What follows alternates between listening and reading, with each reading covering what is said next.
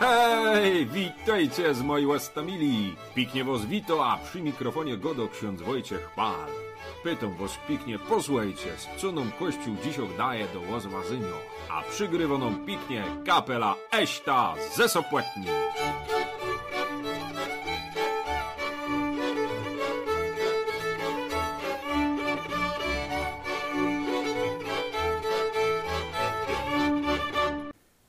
Dziś moi łastomili, w tego 14 lutego mamy sobie szóstą niedzielę w ciągu roku. Bez to cytu medali Ewangelię od świętego Marka. To będzie najsą przód wersy z pierwszego rozdziału. Potem zaś będzie gotka o godaniu są ze sobą. No i na końcu jest moje łozwazanie. Pikniowo zapraszam. A u świętego Marka w pierwszym rozdziale wersety od 40 do 45 czytamy takie. Pewnego dnia przyszedł do Jezusa trędowaty i upadłszy na kolana prosił go: Jeśli zechcesz, możesz mnie oczyścić. A Jezus, zdjęty litością, wyciągnął rękę, dotknął go i rzekł do niego: Chcę, bądź oczyszczony. Zaraz trąd go opuścił i został oczyszczony.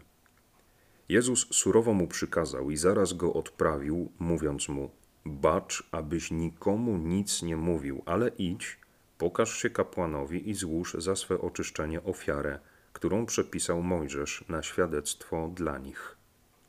Lecz on po wyjściu zaczął wiele opowiadać i rozgłaszać to, co zaszło. Także Jezus nie mógł już jawnie wejść do miasta, lecz przebywał w miejscach pustynnych, a ludzie zewsząd schodzili się do niego.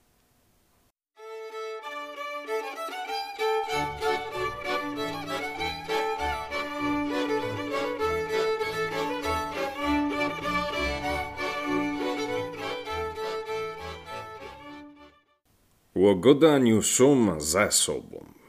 Wiecie, pytała Kiesik mało wnusio babcie.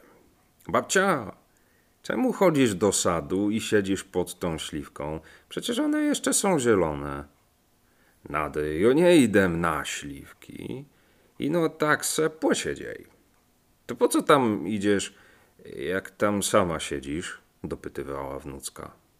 Co by se pobyj, no sama ze sobą, odpowiedziała babcia. I co tam robisz? Dali dociekała wnucka. Ano, godą se, myślę, pytoń, a nieroz i wadzę się. Ale z kim? Przecież sama tam siedzisz, nie mogła zrozumieć dziewczynka. Widzisz, godą se, sama ze sobą. To tak się da? Nie ino za się do, ba jeszcze czasami trzeba. Kie będzie starso, to pamiętaj o tym. Co byś nie zabocyła ze cłek, musi pogodać sum ze sobą. Bo ino cyl, będzie ino tym, co powiedzą o nim inksi.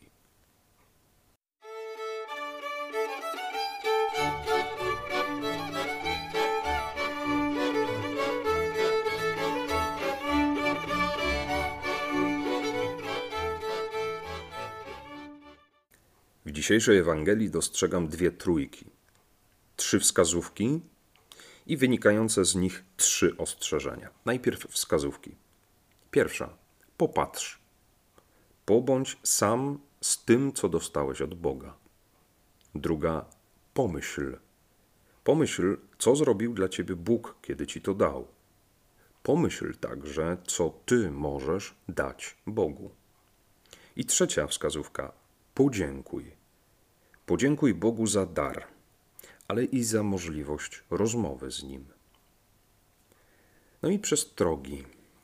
Pierwsza mówi o tym, że jeśli nie pobędziesz sam z tym, co się wydarzyło między tobą a Bogiem, jeśli wystrzelisz od razu do ludzi, to zapomnisz o sobie. Bóg, kiedy ci coś daje, kiedy ci coś mówi, zmienia Twoją odpowiedź na pytanie, kim jesteś. Druga przestroga mówi, że jeśli od razu pójdziesz do ludzi, może to grozić tym, że nie będziesz mieć własnego zdania ani punktu widzenia na to, co się dzieje. Jeśli nie zastanowisz się, nie porozmawiasz z Bogiem, to będziesz musiał bazować na opinii innych.